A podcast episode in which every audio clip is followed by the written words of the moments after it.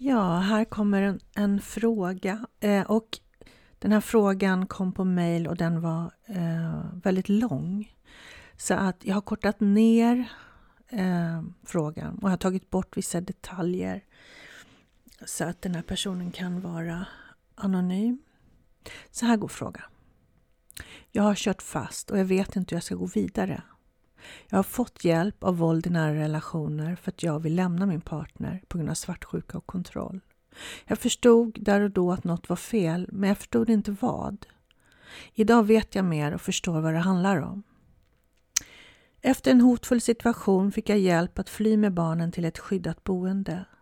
De sa åt mig att jag inte skulle svara på kontakt, men jag vill försöka reda ut det hela och förklara, men det visade sig inte gå. Efter hot om att jag skulle förlora allt åkte jag hem med barnen igen. De sa till mig att det kommer bli värre, men jag åkte hem ändå. Och det visade sig att de fick rätt. Jag blir anklagad för att ljuga och gå bakom ryggen hela tiden. Jag försöker med Grey Rock-metoden och stundtals fungerar det bra.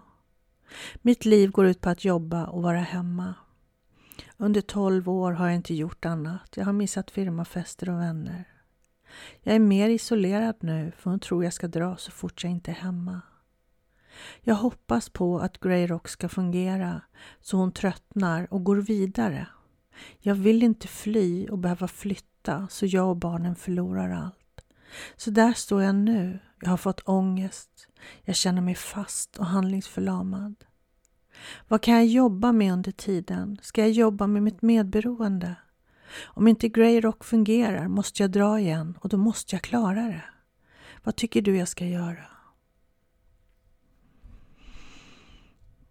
Mm, först vill jag förklara för den som inte förstår vad Grey Rock är. Det är gråstensmetoden. Det vill säga att inte, inte ge, inte svara emot, varken bu eller bär. Var så grå och grå som möjligt för att inte eh, ge sin narcissistiska partner någonting. Så att den förhoppningsvis ska tröttna och söka sig någon annanstans. Där den får det den behöver. Och eh,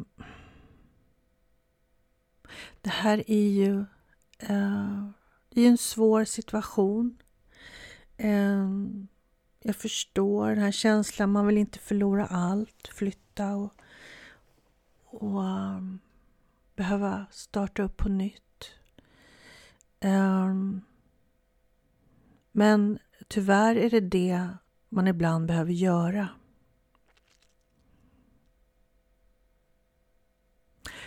Um, jag ska inte säga att det är så, men min känsla är att det är så i det här fallet.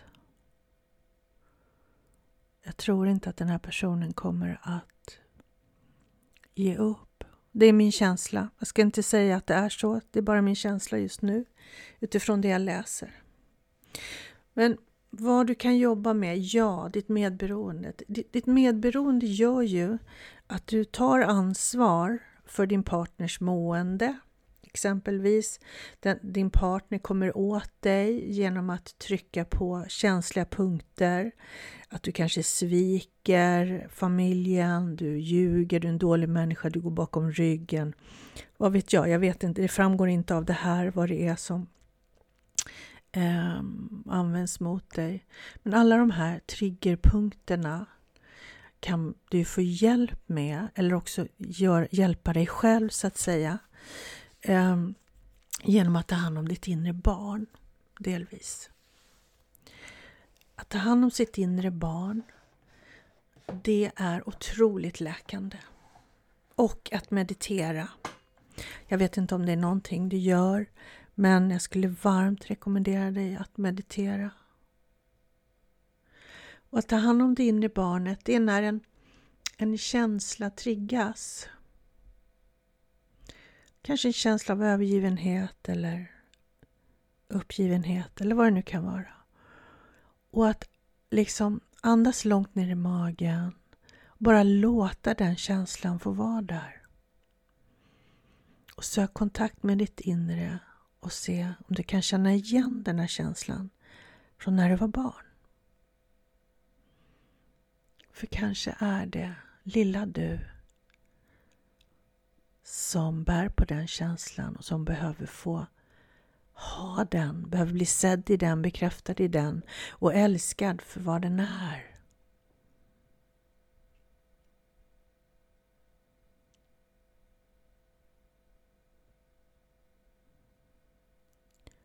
Den här ångesten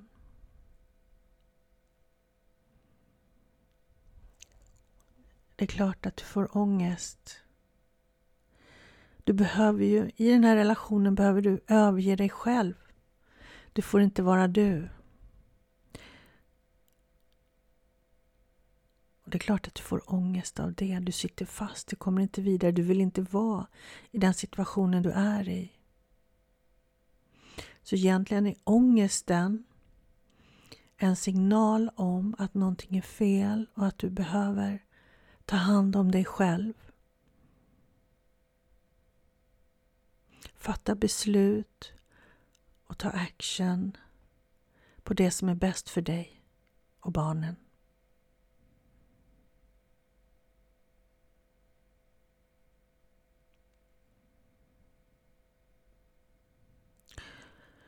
Eh, meditera som jag sa. Inom dig har du tillit och trygghet i ditt hjärta, i din själ. Finns det, finns kraften. Så det kan stärka dig om du har möjlighet att meditera.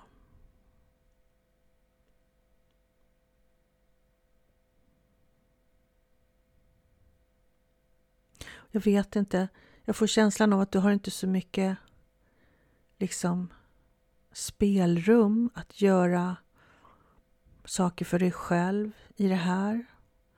Hon blir misstänksam när du gör det.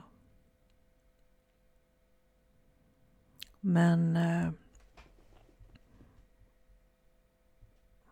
du har bara att vinna på att försöka ta hand om dig själv, stärka upp dig själv så att du klarar av att göra det som du kommer att bli tvungen till framöver.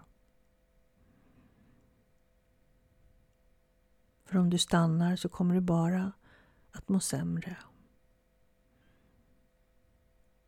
Du tappar kraft, du tappar självkänsla.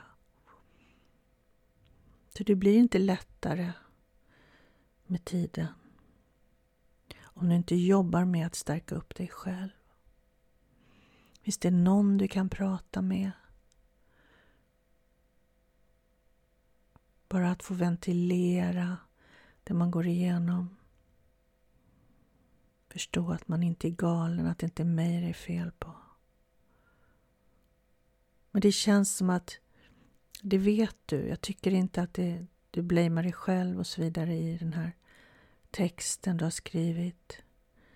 Så Det känns som att du vet att det här handlar egentligen inte om dig.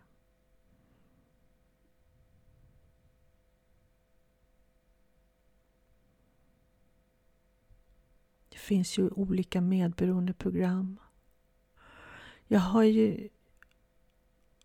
Ja, nu är inte det så bra ljud. Jag gjorde en julkalender. Den finns på Youtube. Och varje avsnitt handlar om saker man kan göra, olika ja, vad du kan tänka på för att må bra, för att stärka din självkänsla, för att må bättre. Det är korta videos. Jag kommer att göra eh, podcastavsnitt också. Eh, de kommer att vara längre. Just det här med medberoende. Medberoendet handlar om att stärka din självkänsla, höja skattningen på dig själv, ditt värde på dig själv, sätta gränser för dig själv så att du mår bra. Att prioritera dig själv, att välja dig själv och det som är bäst för dig.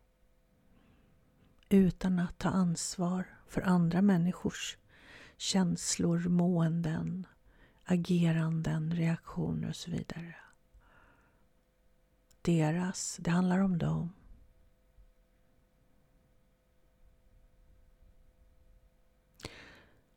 Ja. Och sen skulle jag vilja, jag förstår att du inte vill flytta och att du och barnen då förlorar allt. Men gå in i, vad är det värsta med det? Det kanske inte är så farligt att göra det. För vad är alternativet? Och om du också tänker, men det kan ju faktiskt bli riktigt bra. Kan ju bli ännu bättre. Den chansen finns. Så är det ju. Det är inget som någon av oss vet, men den möjligheten finns.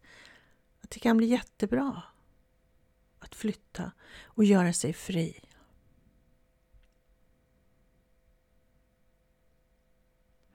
Bara öppna upp för det. Tillåt dig att gå in i, okej okay, vad är det värsta som skulle hända om jag behöver dra igen med barnen och flytta? Vad är det värsta? Bara känn in på det, våga möta det. Och sen också, men det finns ju en möjlighet att det blir bra. Eller hur? Det finns ju faktiskt en möjlighet att det kan bli jättebra. Bara våga känna in på det. Och också som du kan göra varje dag, det är att tänka tacksamhet. Det finns saker i ditt liv som du sätter värde på. Att lägga fokus på det och känna tacksamhet, du vet från hjärtat. Det stärker dig. Att inte hela tiden leva i det som är det som du vill ifrån. Du vet kontrollen, svartsjukan, allt det här. Utan att också leva i det du är tacksam för, som du har i ditt liv. Det kan vara stort som smått. Gå in i känslan, känn den där tacksamheten över det du har. Det är någonting jag skulle vilja att du gör varje dag. Känner tacksamhet. Och också känner in ditt inre. Finns det en sorg där, men släpp ut den. Tillåt den. Och håll om dig själv. Du kan ta en kudde och så tänka att nu är det här mitt inre barn.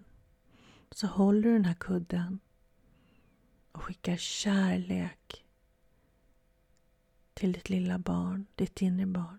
Om du har svårt att få kontakt med kärleken till ditt inre barn, till dig själv, då kan du först tänka på dina barn. Kärleken till dina barn eller till något husdjur. Och så bara känner ni hjärtat och så tänker du på ditt inre barn, den lilla du. Det är också väldigt stärkande. Det kan vara svårt i början men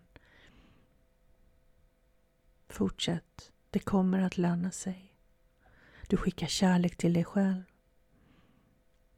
Det är stärkande såklart.